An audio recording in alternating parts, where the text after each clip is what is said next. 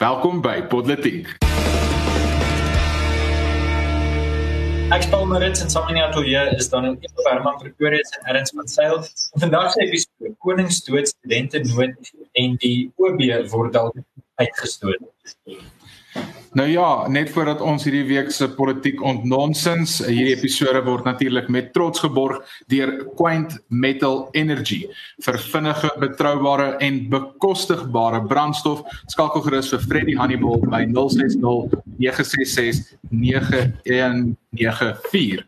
Nou ja, kom ons op ons is hierdie week se politiek en ons spring weg met die eerste episode wat natuurlik is dat uh, koningin Goodwill Zwelithini is die afgelope week oorlede. Ja, nee en ek ek voel op hierdie stadium wil ek sê welkom by Politiek want ek het genuinely nie besef dit is my beurt om te sê welkom by Politiek nie al het julle letterlik 2 sekondes gelede vir my gesê dit is die geval. So ek vra nederig om verskoning, maar welkom by Politiek.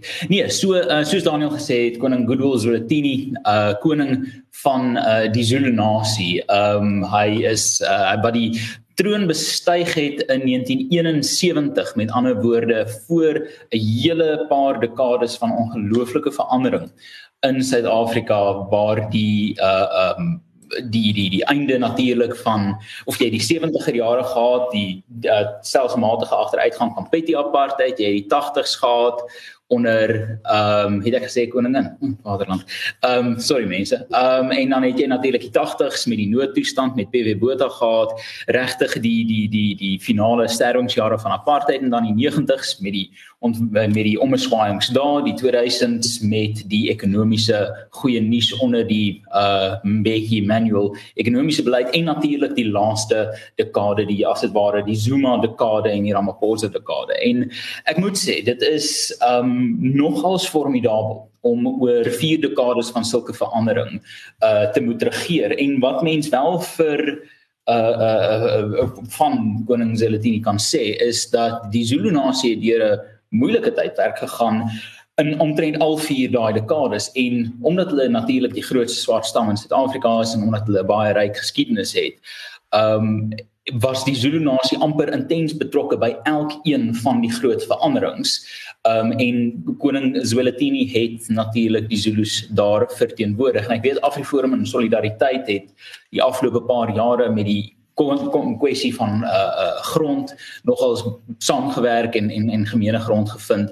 En um ek moet sê ek is ek is uh klassiek liberaal um in die, in die sin dat ek in die individu se vryheid is my baie belangrik, maar ek sê altyd ek is uh ten gunste van vryheid ek ek sal ek's liberaal want ek soek die vryheid om konservatief in my persoonlike uitkyk te wees. Um en uh, ek moet sê as as iemand wat nogals waardeer wat in die geskiedenis aangaan en die monargie en die monargale rol wat daar gereeld gespeel word, is hierdie vir my 'n interessante 'n periode van refleksie. Baie weet ek nou nie van koning Zwelithini nie, maar die meeste wat ek van hom weet is die die die amper matigende rol wat hy gespeel het veral in die 90's toe uh die federale kwessie uh in Kata 'n uh, regtig 'n brandpunt was die konflik tussen die ANC en Inkatha en mense kan sê wat ook al jy wil, maar die koning lyk asof hy homself goed van hom uh, van sy taak gekwyt het. So ja, dit is ek dink die die in 'n uh, in leidende opmerkings. Ons is nie seker of hy dood is aan COVID-19 nie. Uh maar ja, ehm um, uh sederval ehm um, is ek nie uh, is ek nie reg nie Paulus. Nou ja, ek ek dink vir my is daar 'n paar goed wat belangrik is en en miskien bovenal dit wat die koning verteenwoordig het. Dis nie my koning nie. Ek weet nie of ek saamstem met die miljoene en miljoene rande wat jaarliks vir uh tradisionele konings in Suid-Afrika gegee word nie. Uh dis 'n kwessie wat ek miskien 'n jaar of 2 terug oor my baie sterker um uit uit sou spreek.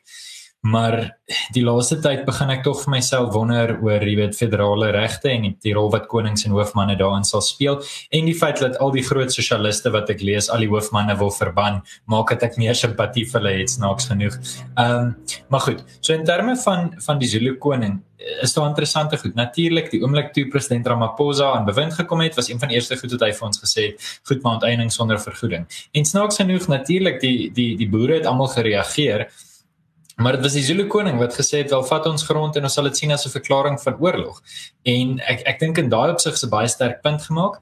Uh en net oor die vraag van wat is Suid-Afrika? Ek dink jy weet in sover as wat ons 'n uh, grondwet het wat kyk na die individu en kyk na die regering, is daar tog 'n klomp strukture tussenin en um, ek dink in die debat wat wat politiek verlede jaar gehad het, uh, Daniel wat jy aangebied het en Erns waar en Herman waar julle aan verskillende kante was, was daar hierdie gedagte dat ja, groepe is belangrik. Die vraag was maar net op watter punt moet die grondwet vir hulle ruimte maak. So my gevoel sou wees dat meeste mense in Suid-Afrika deeglik bewus daarvan is dat ons kultureel divers is en dat dit nie noodwendig iets is wat onderdruk moet word nie.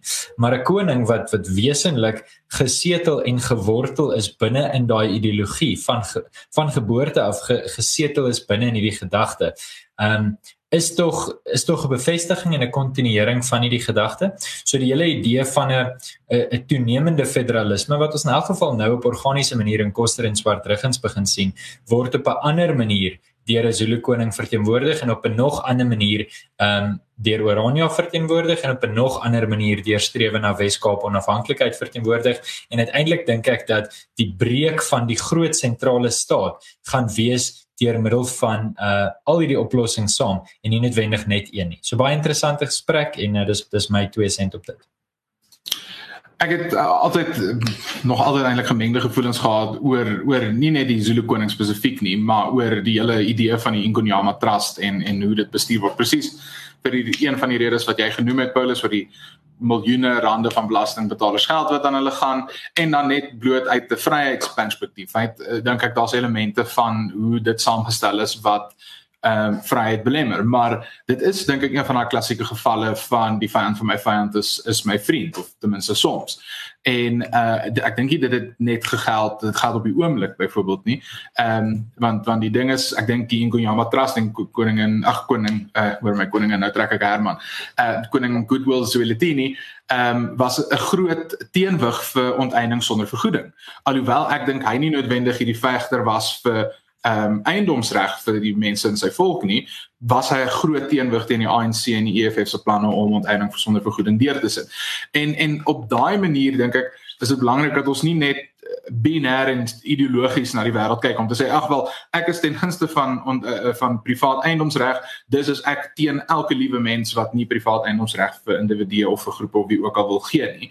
Ehm um, ons ons moet prakties dink en ons moet dink aan die balans van magte. Ons moet dink aan hoe gaan dit uitspeel in Suid-Afrika en op daai opsig is ek besonder jammer dat uh koning uh, Zwelithini oorlede is want ek dink hy sou 'n belangrike rol gespeel het in die komende paar jare ehm uh, net spesifiek die debat oor onteiening sonder vergoeding. So dis dis maar my gedagtes daaroor oor die geskiedenis van van uh die koning en en hoe hy ehm um, regeer het moet ek sê en kan ek eerlik sê is ek nie verskriklik ehm um, baie weet ek al nog nog nie baie oor gelees nie.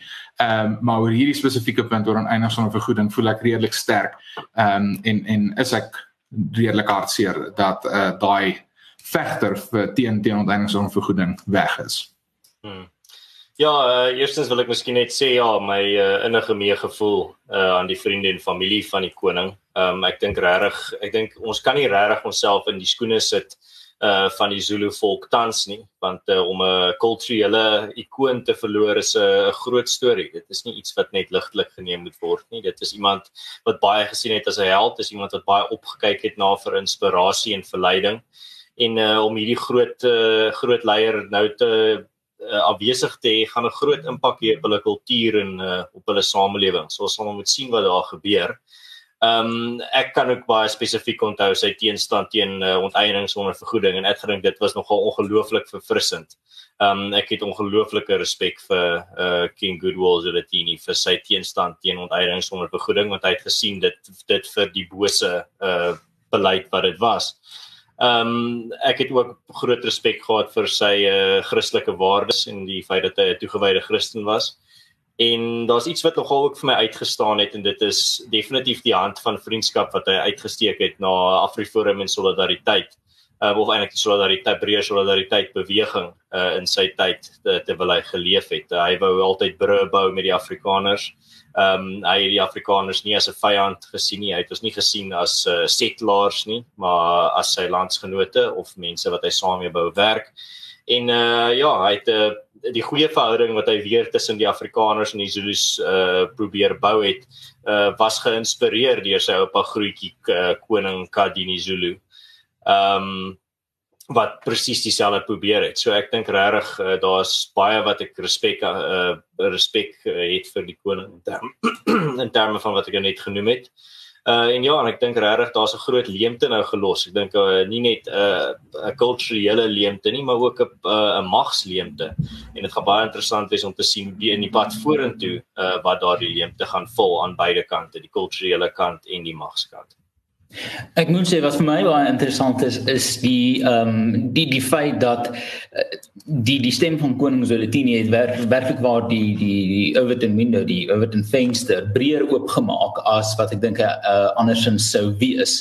En en dit is iets te waardeer, maar ehm um, ek Ek wil versigtig wees as ek as ek ehm um, na na iemand soos Goodwill Zwelithini Zwelithini gaan kyk as as as as Christen. Want ek, dink jy weet veel wywery is is is erg mormoons um en en verstaan? So ek dink mens moet mens mens kan genuanceerd na hierdie tipe kwessies kyk. Ek um, ek dink mense kan hom prys vir baie dinge maar ek ja sy sy Christendom is is is is, is dalk nou nie iets wat ek tot daai lys sal byvoeg nie maar ek dink as mense gaan kyk na die simboliek van 'n leier en van kulturele leiers en spirituele identiteitsleiers is is is ek ek moet sê um die pauslikheid vir my nogal 'n interessante geval. Dit is iemand wat in Suid-Afrika ehm um, die leier is van 'n uh, hele gemeenskap wat geen amptelike staatlike erkenning het in enige vorm van wetgewing nie. En ek dink waar die individu vry is om te kies om onder die monargale gesag van, jy weet, 'n paus of 'n kulturele koning te wees, is dit optimaal. En ek dink Paulus dit is die manier hoe mense daai spanning uh kan oplos van hoe miljoene en miljoene rande nie gaan en hierdie alternatiewe magsentrum geskep word waar toevallig die Afrikaner heeltemal uitgesluit is nie en die wit uh, Suid-Afrikaner uitgesluit is nie. Daar is hierdie huis van tradisionele leiers waar die Afrikaner net nie verteenwoordig word nie. So ek ek dink Nou Herman, onthou Daniel is 'n agterkleinseun van Paul Creer, nee, ek sê net, die koning deur is oop. Ja nee, ek moet sê verstaan en en en, en ek sou sê Daniel het my stem, maar dis nou nie hoe konings werk nie. Maar die kwessie hierso is werklik dat ehm um, ek dink vorentoe is daar twee vrae. Gaan die koningshuis ehm um, uh, die koningshuise van Suid-Afrika se stamme aanhou die uh, uh die politieke uh, skop of voetbal word van die heersende regering. Ons kry hierdie al terug na verstaan al 100 jaar waar die koloniale regering so desperaat die stamleiers aan hulle kant wou kry en oor die afgelope 10, 15 jaar het ons gesien hoe die begrotings van hierdie stamleiers absoluut uh, net groei en groei en groei. So dit is regtig nou 'n vraag. Zwelithini was 'n 'n stem teen 'n baie spesifieke status quo en ons kyk nou om te sien of sy opvolger enigsins daar 'n uh, 'n uh, uh, ander stem kan in lei. Ehm um, en dan so so so ek ek moet sê daar sou is klomp goeders wat hier op die tafel gesit word en ek wens amper ons kan 'n hele gesprek net hou uh oor hierdie kulturele leierskap, oor hierdie tradisionele leierskap. Ehm um, maar om respekvol te wees, gaan ek nou tot die agterkleinkind van Paul Creer oorgee want hy het blykbaar iets te sê. U hoogheid Florisiana. Wag, baie baie dankie. Wag tot ek julle vertel waar my op agterop 'n groot hierdie miljoene begrawe. Ehm um, nie die wortels nie, die miljoene. Uh nee, ek ek wil sommer net afsluit om om te sê ek wonder hoe lank dit gaan wees totdat een of ander Amerikaanse aktrise gaan kom om die Zulu koningshuis heeltemal te kom beswadder met al haar aantuigings. Sy gaan waarskynlik met Oprah kom gesels. Ehm um, ek weet nie as jy ek, ek weet nie of jy 'n betting people is nie, maar dalk moet ons 'n bietjie geldjie daarop sit. Maar nou ja, ehm um, ge, gepraat van spanning wat veroorsaak word uh oor filosofie en uh denke wat van oorsee afkom, het ons hierdie afgelope week gesien dat dit wat op Amerikaanse kampusse gebeur en daar geleer word, spoel redelik sterk oor na Suid-Afrikaanse kampusse toe natuurlik en ons sien ongelooflike groot betogings op die oomblik by Suid-Afrikaanse universiteite. Hmm. Uh ja, dit het laasweek begin. Jy noem dit nou ongelooflike groot betogings. Nou dit raak definitief oral in die nuus gerapporteer, maar dit is nie ek was daar, ek was op universiteit toe die fees was vol uh onluste gebeur het en dit was nie naaste by hierdie wat ons vandag sien is nie naaste by op die skaal as wat ons toe gesien het nie. Hierso as jy op wie op die video's kyk, as jy dit nie van 'n strategiese hoek af afneem nie, gaan jy baie duidelik sien dis maar tussen 20 en 30 studente partykeer wat maar betoog en ek bedoel die fees was vol uh, onluste van uh, 5 jaar terug was baie meer, dit was in die honderde. So wat ons hierso sien uh, is nou weer dit laas week Woensdag begin Uh daar is weer onluste by verskeie universiteite reg oor die land en dit gaan oor nou gratis um onderwys uh, wat en die afskryf van studente se skuld. En uh so wat ons hier sien en en dit is iets wat ek um nogal dink 'n belangrike punt is vir bespreking is die feit dat hierdie is nie net uh uit nêrens uit nie. Hierdie is die produk van die ANC grootliks wat vir hierdie studente gratis universiteit beloof het. Dit is nie iets dis nie net 'n idee wat hulle uit die lug uit gegryp het nie. Jy hoef nie eers so ver terug in die terug in tyd te gaan nie. 3 jaar terug in 2018 het uh president Cyril Ramaphosa gesê die ANC is, is steeds toegewy tot hulle missie om gratis tersiêre onderrig na Suid-Afrika toe te bring. Gaan net nog 'n bietjie verder terug, dan kry jy weer vir 'n uh, uh, Blyden Zemande wat sê uh, die ANC gaan uh, gaan sorg dat uh, uh, gratis tersiêre onderrig na Suid-Afrika toe kom. Gaan nog bietjie verder terug dan kry jy vir Jacob Zuma wat presies dieselfde sê en dan nog tussenin is daar 'n waarboel van uh, ANC kaders wat presies dieselfde sê. So dit is nie vir my verbasend dat jy nou hierdie situasie het waar uh, studente nou weer begin tyres brand en begin uh, onlustig raak nie. Want wat ons hierso sien is maar net weer die ANC het hierdie groot uh, ligkastele gebou wat hulle wat net nie realisties is nie. En dan net 'n uh, laaste gedagte daarvoor ek die vloer oopmaak vir julle. Ehm um, ek sien baie mense wat vir my sê, maar jy moet tog simpatie hê met van hierdie uh met van hierdie uh, studente wat protes. Uh, jy moet verstaan waar hulle vandaan kom. Uh, kan jy nie uh, het jy nie hart nie. Daar's ek video's sien van daardie studente wat protes hierdie week en waar hulle sing one settler one bullet. Ehm um, het ek nie verskriklik baie simpatie vir hulle of vir hulle beweging nie. Ehm um, ek gaan hom al 100% eerlik wees. Ja, ek dink jy lê 'n klomp goeters en ongelukkig, jy weet, die ouens wat wat daai liedjies daarso sing, dis dit natuurlik geen plek in 'n gevorderde land nie. Die feit dat dit nie onwettig is nie, uh, gaan my verstand te bowe. Dis 'n openlike roep vir fisiese geweld en dit is die vereiste in meeste moderne lande vir, jy weet, daadspraak. Maar goed, ehm um, daai gesprek het ons al politiek 10 keer gehad. So hierdie proses gegaan het is einde 2013 het Blindsmande 'n verslag uitgereik wat sê gratis onderwys is tegnies moontlik. En dit was die groot probleem 2014 was 'n verkiesingsjaar niks het gebeur nie. 2015 fees must fall 1, 2016 fees must fall 2.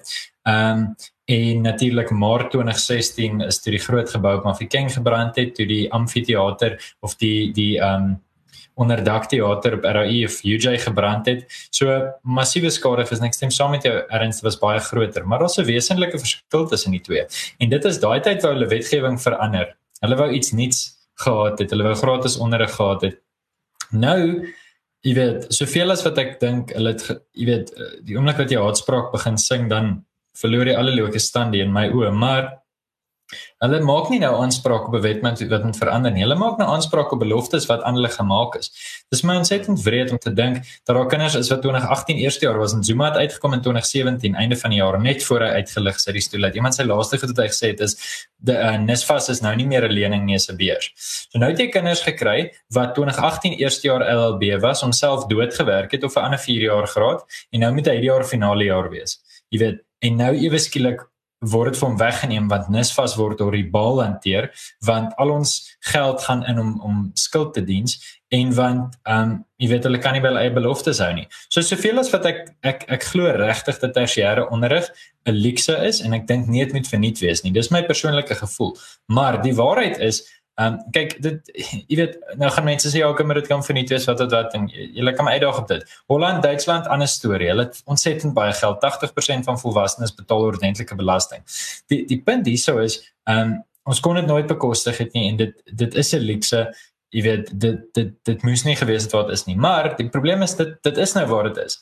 Uh dit is nou gratis en daar daar is mense wat hierdie verwagting het. So my probleem is al stem ek nie ideologies daarmee saam nie. Voel ek die regering het 'n plig teenoor hierdie ouens um wat hulle moet nakom en ek kan verstaan dat hulle gefrustreerd is want ek sit elke dag met hierdie navraag. Ek kry elke liewe dag mense wat my bel en ja, ek ek werk vir solidariteit. Ons is, jy weet, Afrikaans en Afrikaner kultuur gefokus. Dit is 'n feit. Ek kry oproepe van oral af. Enige mense in Suid-Afrika van enige plek af asseblief help ons, ons kort hulp want mense is moedeloos en hulle is moedeloos want beloftes is gemaak wat nie nagekom word nie. So, ehm um, dis 'n komplekse kwessie, is 'n netelige kwessie, maar ek dink eerlikwaar die ANC met sy kop sak in skaamte en ek dink Tito Mboweni moet maar net een van 'n groot bate verkoop en die rekening betaal en stil bly. Ek dink regtig dit is die pad van die minste skade vir die ANC want hulle is besig om die jong mense so vinnig EFF toe te dryf. Mens kan dit amper nie eens glo nie. Dit is ironies dat mense met ANC hemde gaan staak en dink ek is jy simpel. Dis die mense wat die rede is hoekom jy staak in die eerste plek. Ek dink ons sien 'n interessante uh, uh verskynsel hierso waar ehm um, op op, uh, op as ons as ons nou gaan kyk na die politiek hier so ons gaan die politiek uh, probeer ontnonsens dan sien ons twee uh, uh politieke situasies hierso. Een ons sien die manifestasie van uh, meer as 'n dekade um se se beloftes en se skuld wat wat basies die politieke kapitaal is op en die fiskale kapitaal is op. Dit is ons sien dieselfde ding met uh met Eskom byvoorbeeld. Verstaan die die krisispunt is nou hierso. Jy kan nie meer uh uh die die die die die hulpbronne manipuleer sodat jou politieke uh uh uh ondersteuningsgroepe jy weet omgekoop kan word om aan boord te bly nie.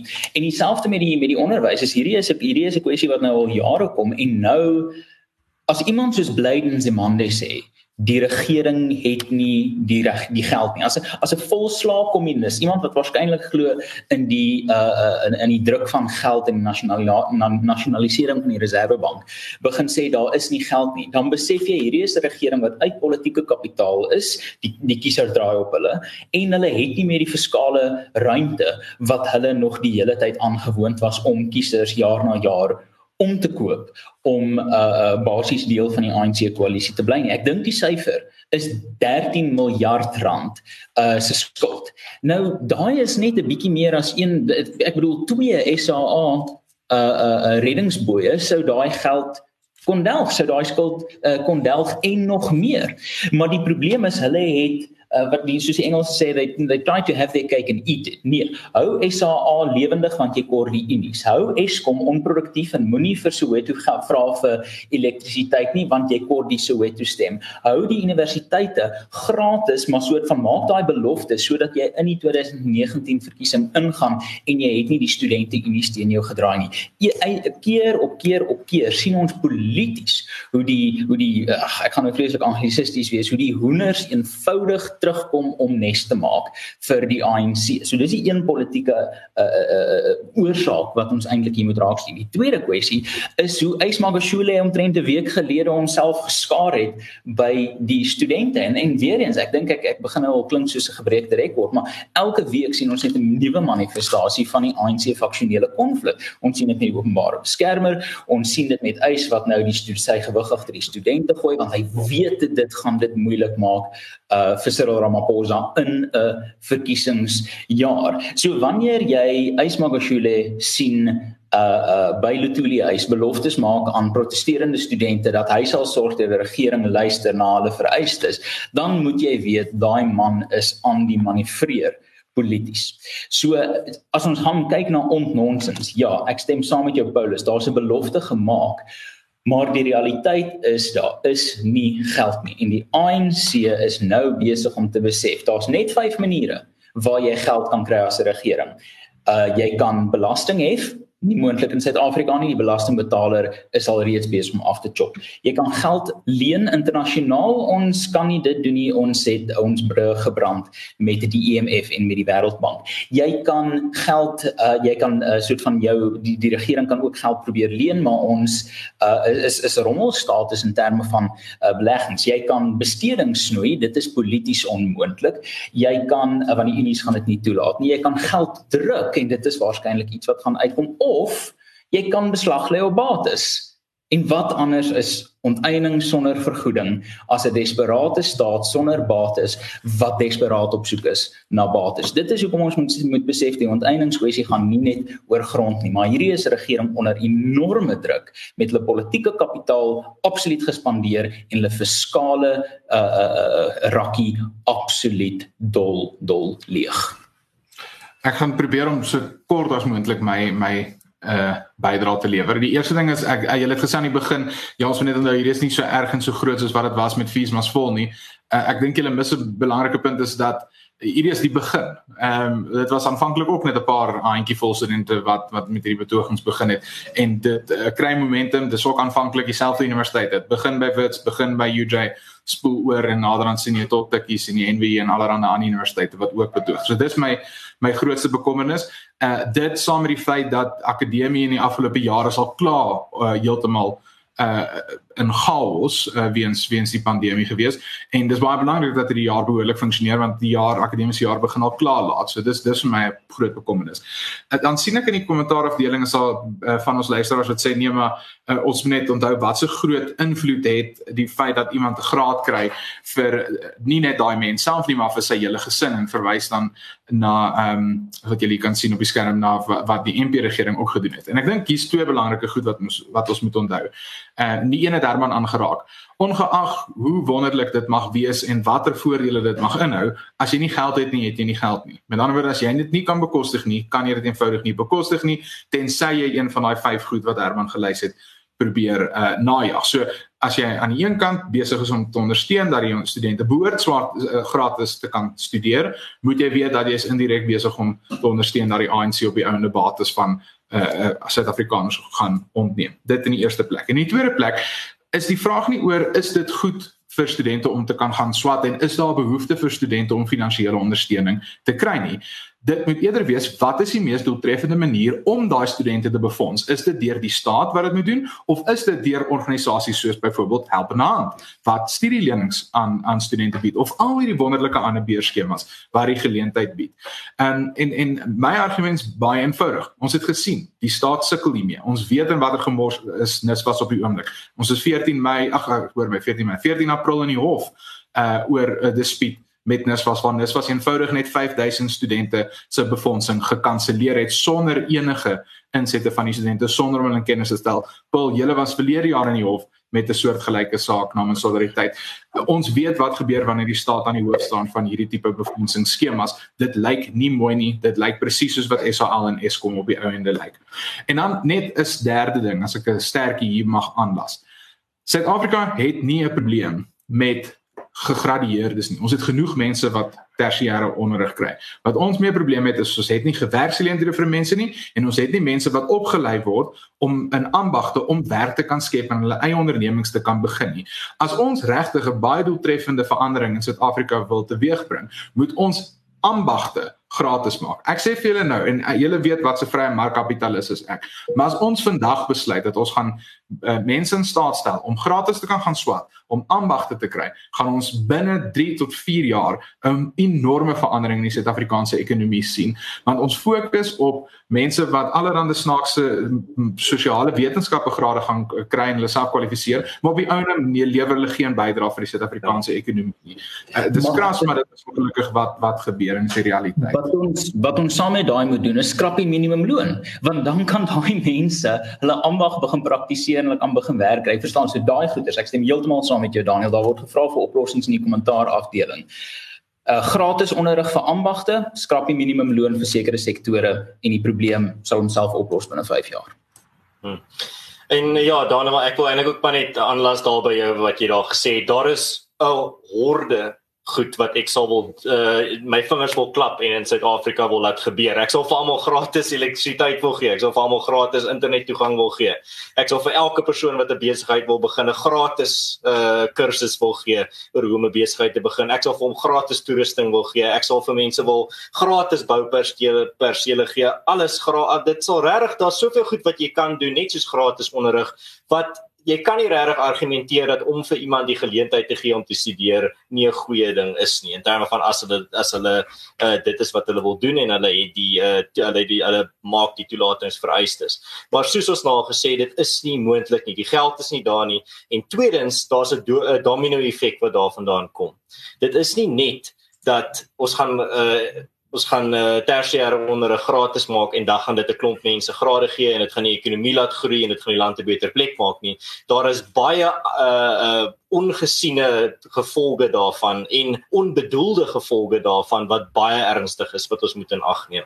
Uh een van die groot goed dink ek wat 'n uh, uh, baie gevaarlike mengsel is is gratis onderrig saam met hierdie leen dat die enigste manier hoe jy suksesvol gaan wees in hierdie land is met 'n graad. En die enigste rede dat jy die enigste manier wat jy selfrespek kan hê is as jy 'n graad het. Daai leen gekombineer met gratis onderrig is 'n atoombom vir 'n samelewing. Dit sal vir Suid-Afrika vernietig in terme van as dit saamgegooi word. Dit is kom ek 100% met Daniel saamstem dat ons moet weer teruggaan na te te na aanbag te sien as 'n manier waar jy kan selfrespek hê. As jy 'n goeie loodgieter is, as jy 'n goeie elektriesien is, dan verdien jy selfrespek en jy verdien die respek van die gemeenskap wat hierdie soort ambagte 'n uh, tyd terug altyd gehad het. Maar vandag het ons nou aangeskuif na hierdie mentaliteit toe dat jy moet 'n graad hê. So nou wat gaan doen mense wat kan gaan studeer? Hulle gaan kry 'n uh, onnosele graad. Hulle gaan kry 'n graad in onderwater yoga studies. En nou het hulle 'n graad maar hulle kan nie 'n werk daarmee kry nie. Niemand wil hulle aanstel nie en die graad is eintlik maar net niks werd nie. Maar hulle het 'n graad, so hulle het dan daai selfrespek wat uh, wat ons nou gesien het hiervan gepraat word. Maar wat is dit nou regtig soveel werd? Dit kom nou weer terug by my punt van daar's baie goed wat ek vir mense sou wil gee wat uitstekend sou wees in terme van ek wil hê Suid-Afrikaners moet meer selfrespek hê. Ek wil hê Suid-Afrikaners moet meer uh, selfvertroue hê. Hierdie is alles ongelooflike goeie goed. Maar om dit op die al dit uh die die doel te maak beteken jy sê dat om enige manier wat ons daarbey uitkom is uh uh regverdigbaar en dit is baie gevaarlike denke. Um die die eindes wat jy probeer bereik kan nie regver, regverdig nie enige manier of enige pad om daarby uit te kom nie. So vir my dink ek is eh, weet om af te sluit. Um iets wat ons hier in gedagte moet hou is dit is 'n groter prentjie. Daar's baie nuance daaraan uh en dat ek dink daar is 'n uh, baie do, uh, domino effekte en uh onbedoelde gevolge wat uh, ons definitief in gedagte moet hou want as ons nie uh kan dit baie moeilikheid veroorsaak. Ek wil baie vinnig wees. Eh, ons moet iewers 'n uh, uh, beleidsoplossingsgesprek voer want mense mense mens gaan so vinnig deur die probleme dat mense nooit reg uitkom by wat is die alternatiewe nie. Maar ek gaan vlugtig ja. drie alternatiewe noem. Een is uh die die die Amerikaanse konsep van uh, education vouchers, uh opvoed onderwyskupone, iets wat ons oor moet gesels. 'n Ander ding is as jy die gratis onderwys van gee, dan moet jy maak so sommige lande en jy moet 'n gradiandesbelasting instel, graduate tax, wat dan jy gee iemand die kans om op die op op die uh, op die leer van inkomste te klim, maar dan moet hulle dit terugbetaal wanneer hulle begin verdien. Dis een interessante ding en die ander interessante ding is as jy gaan kyk na die Verenigde Koninkryk, toe hulle uh, universiteitsfooie uh op die tafel gestel het en en dit was onderrig was altyd gratis maar toe hulle fooie bygebring het het dit gesorg dat daar meer mense van benadeelde en armer sosiale uh, sosio-ekonomiese stande kon inkom want eenvoudig was die fooie beskikbaar gemaak het hierdie universiteite die nodige hulpbronne gegee. So Paulus ek iewers moet ons 'n oplossingsgesprek hê want ek sien baie baie kommentare daaroor maar gepraat van oplossings Paulus ehm um, is die openbare beskermer een Ja, ek skus ek ek gaan ek gaan nou by Bosesewe Mkebani kom net net om te noem vir 10 sekondes. Want ek werk elke liewe dag, meeste van die dag met jong mense wat uit die skool uit probeer kom op universiteit, net die universiteit uit probeer kom in die werk. Onthou, by verre die meeste mense op Nisvas is besig met 'n ambag, is by TVET colleges. Van die 800 000 mense daarop, so dit ons kan sê ambagte is die oplossing, maar die TVET colleges werk nie. So dan dan dan is dit maar weer eens en en en dit klink asof ons hamer op dieselfde aanbeeld, maar by politiek sê ons die regering is die probleem en hulle is want nou het jy Nisvas wat nie werk nie maar selfs al het Nisvas gewerk nou moet jy jou Nisvas geldjies vat na die plaaslike TVET college toe gaan waar klas 10 uur begin en 1 uur eindig en dan moet jy kompeteer met 'n ouetjie van Soltech wat wêreldklas is en wat regtig sy sy roeping ernstig vat. Sterkte verstaan dis dis eenvoudig net moeilik. Maar goed nog nog uitdagings vir die land is wel Bosesio en Kobani ek dink sy was omtrent so lank in haar amptes politiek oud is. Ek dink sy het einde 2017 na ampt betree. Nie presies seker nie. Maar in Suid-Afrika is daar natuurlik wel in enige gevorderde demokrasie is daar die behoefte dat mense beskerm moet word van die staat af. In Amerika het hulle die Second Amendment waar jy net baie gewere by jou kan hê. In Suid-Afrika het ons vir Bosesio Mqobani nie heeltemal dieselfde nie. Um 'n paar dinge, so daar was 'n stemming gewees gister in die parlement oor of daar 'n ondersoek geloods moet word na Bosesio Mqobani se bevoegdheid om die die, die ampt te bekleed wat sy tans doen. En uh hier is 'n interessante ding. 275 lede van die parlement het gestem uh, ten gunste van 'n ondersoek. 40 het teen dit gestem. Nou vra jy vir jouself, maar waar's daai ander wat nie gestem het nie? Die 40 wat teen dit gestem het was amper eksklusief EFF lede. Die daar 62 ANC lede nie gestem nie. So van die ANC se 230 setels het 62 wat meer as 25% is, nie gestem nie. En destyds toe Zuma stelselmatig uitgedruk is, het ons ook gesien hoe bietjie vir bietjie vir bietjie die LPs teen hom begin draai het. So hierdie is nie 'n goeie teken vir Ramaphosa nie. 'n Kwart van sy parlement wil nie saam met Guremantas gegaan het omdat hy gesê het hulle moet doen nie. So dis nie 'n baie lekker plek om te wees nie. In terme van Busisiwe Mkhwebane sy staar ehm um, staat van beskuldiging in die gesig of impeachment in Engels en dis moontlik dat sy verwyder kan word en die die DA druk op hierdie stadium vir hom verwyder te word en hulle redes is dat sy onbevoeg is dat sy dieselfde foute herhaaldelik maak um, en dat sy nie nie reg is om die, om die pos te beklee nie. So ons kan nou regtig daaroor praat, maar ek wil net een ding noem. Soveel as wat ek polities dikwels verskil van die tweets van um, mevrou Maronsela wat die voorganger was van mevrou Mkhwebane is dit tog belangrik om te besef dat 'n goeie openbare beskermer regtig 'n bate vir die land kan wees en uh op hierdie stadium moet ons mekaar eerlik wees en sê dat sogenaamd advokaat Mkhwebane alhoewel ek nie weet of sy self dit mag noem nie nie regtig daai bate vir ons is wat sy behoort te wees nie Uh, ek net twee twee goedjies. Die eerste ene is ehm um, ek ek dink hierdie is eh, 'n uh, goeie voorbeeld van hoekom dit belangrik is om vaste beginsels te hê. 'n Paar jaar terug was ons almal baie dankbaar dat die openbare beskermer hierdie nuwe magte gekry het wat die grondwetlike hof aan die die amp toegegee het of of uh, kom ons sê uh, gegee het uh, met uh, Tuli Maronzela toe sy natuurlik verslag gegee het oor Nkandla. Nou sit ons 'n paar jaar later en ons is vreeslik hartseer oor hierdie uitgebreide bevoegdhede wat ons vir die amp gegee het nou dat dit nie meer Tuli is wat wat in die amp is nie. So sommer maar net so 'n uh, stukkie raad vir die hele Suid-Afrikaanse burgery onthou dit kan terugkom in jou byt. Dis daai selfe beginsel van ehm um, die die wette moet so geskryf word dat selfs wanneer jou vyand in mag is moet jy nog steeds gemaklik kan wees met die feit dat hulle regeer. En ongelukkig is Suid-Afrika nie 'n voorbeeld daarvan nie. Dan oor die die hele stemmery en die wetgewer dat uh, Mkhwebane nou verder ondersoek moet word. Ehm um, ek ek dink is baie ironies. So 2 jaar terug is ons namens 'n uh, organisasie in in die Kaap Accountability Now na die hof toe om uh, basies net vir Mkhwebane te verklaar dat sy onbevoeg is om 'n uh, advokaat te wees en derhalwe die openbare beskermer te wees. Ehm um, so hierdie kom al vir 'n geruime tyd. En interessant genoeg, 2 jaar terug toe ons besig was met daardie saak, was die EFF vol lof ehm um, vir die die aansoek en vir die feit dat hulle dink uh Mkhwebane moet gaan. Hulle was nie gelukkig met die feit dat sy openbare beskermer is nie. En nou maar net paar jaar later sien ons dat hulle is nou uh, heeltemal 'n uh, absolute vegter vir uh, die openbare beskermer en hulle voel dis 'n aanval op alle swart mense en hulle gaan haar beskerm. Al wat ek sê is uh, vir die EFF, ek dink nie Suid-Afrikaners se geheue is so kort nie. Ek dink mense sien raak wanneer hulle besig is om hierdie goed te sê en ek dink mense sien raak wanneer hulle die DA of eintlik die ANC beskuldig dat hulle eenvoudig net die DA volg wanneer ons weet letterlik net 'n paar jaar terug was hulle baie bereid om saam met die DA koalisies te uh, uh, in te tree wanneer in in Tswane en Nelson Mandela by ehm um, uh, staatsraad en natuurlik in Johannesburg en uh, dat jy kan ook net vir so lank hierdie teenstrydighede kwyt raak voordat die mense agterkom en dit jou op die ouene in die stert gaan byt. Reg so. Dit uh, uh, uh, O nee, uh het jy nog iets wat jy wil bylas voor ons afsluit?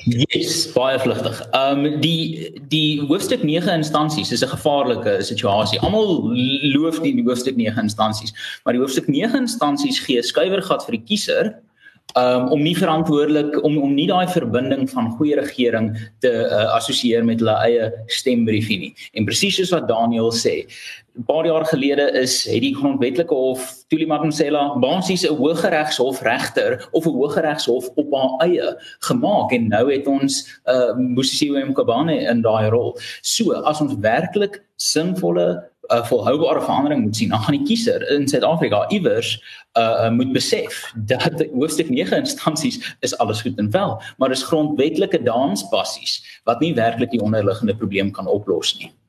Hmm.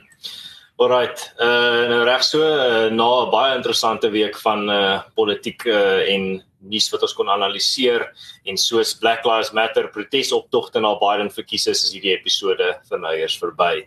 Ons kies uh, ons nooi jou uit as luisteraar om ook self 'n bietjie te ontnonsens deur die gesprek voort te sit in die kommentaarafdeling, veral ons kommentaarafdeling wat so lewendig is gedurende regstreekse uitsendings asseblief uh, neem die debat voort uh as die uitsending al verby is in die kommentaar afdeling.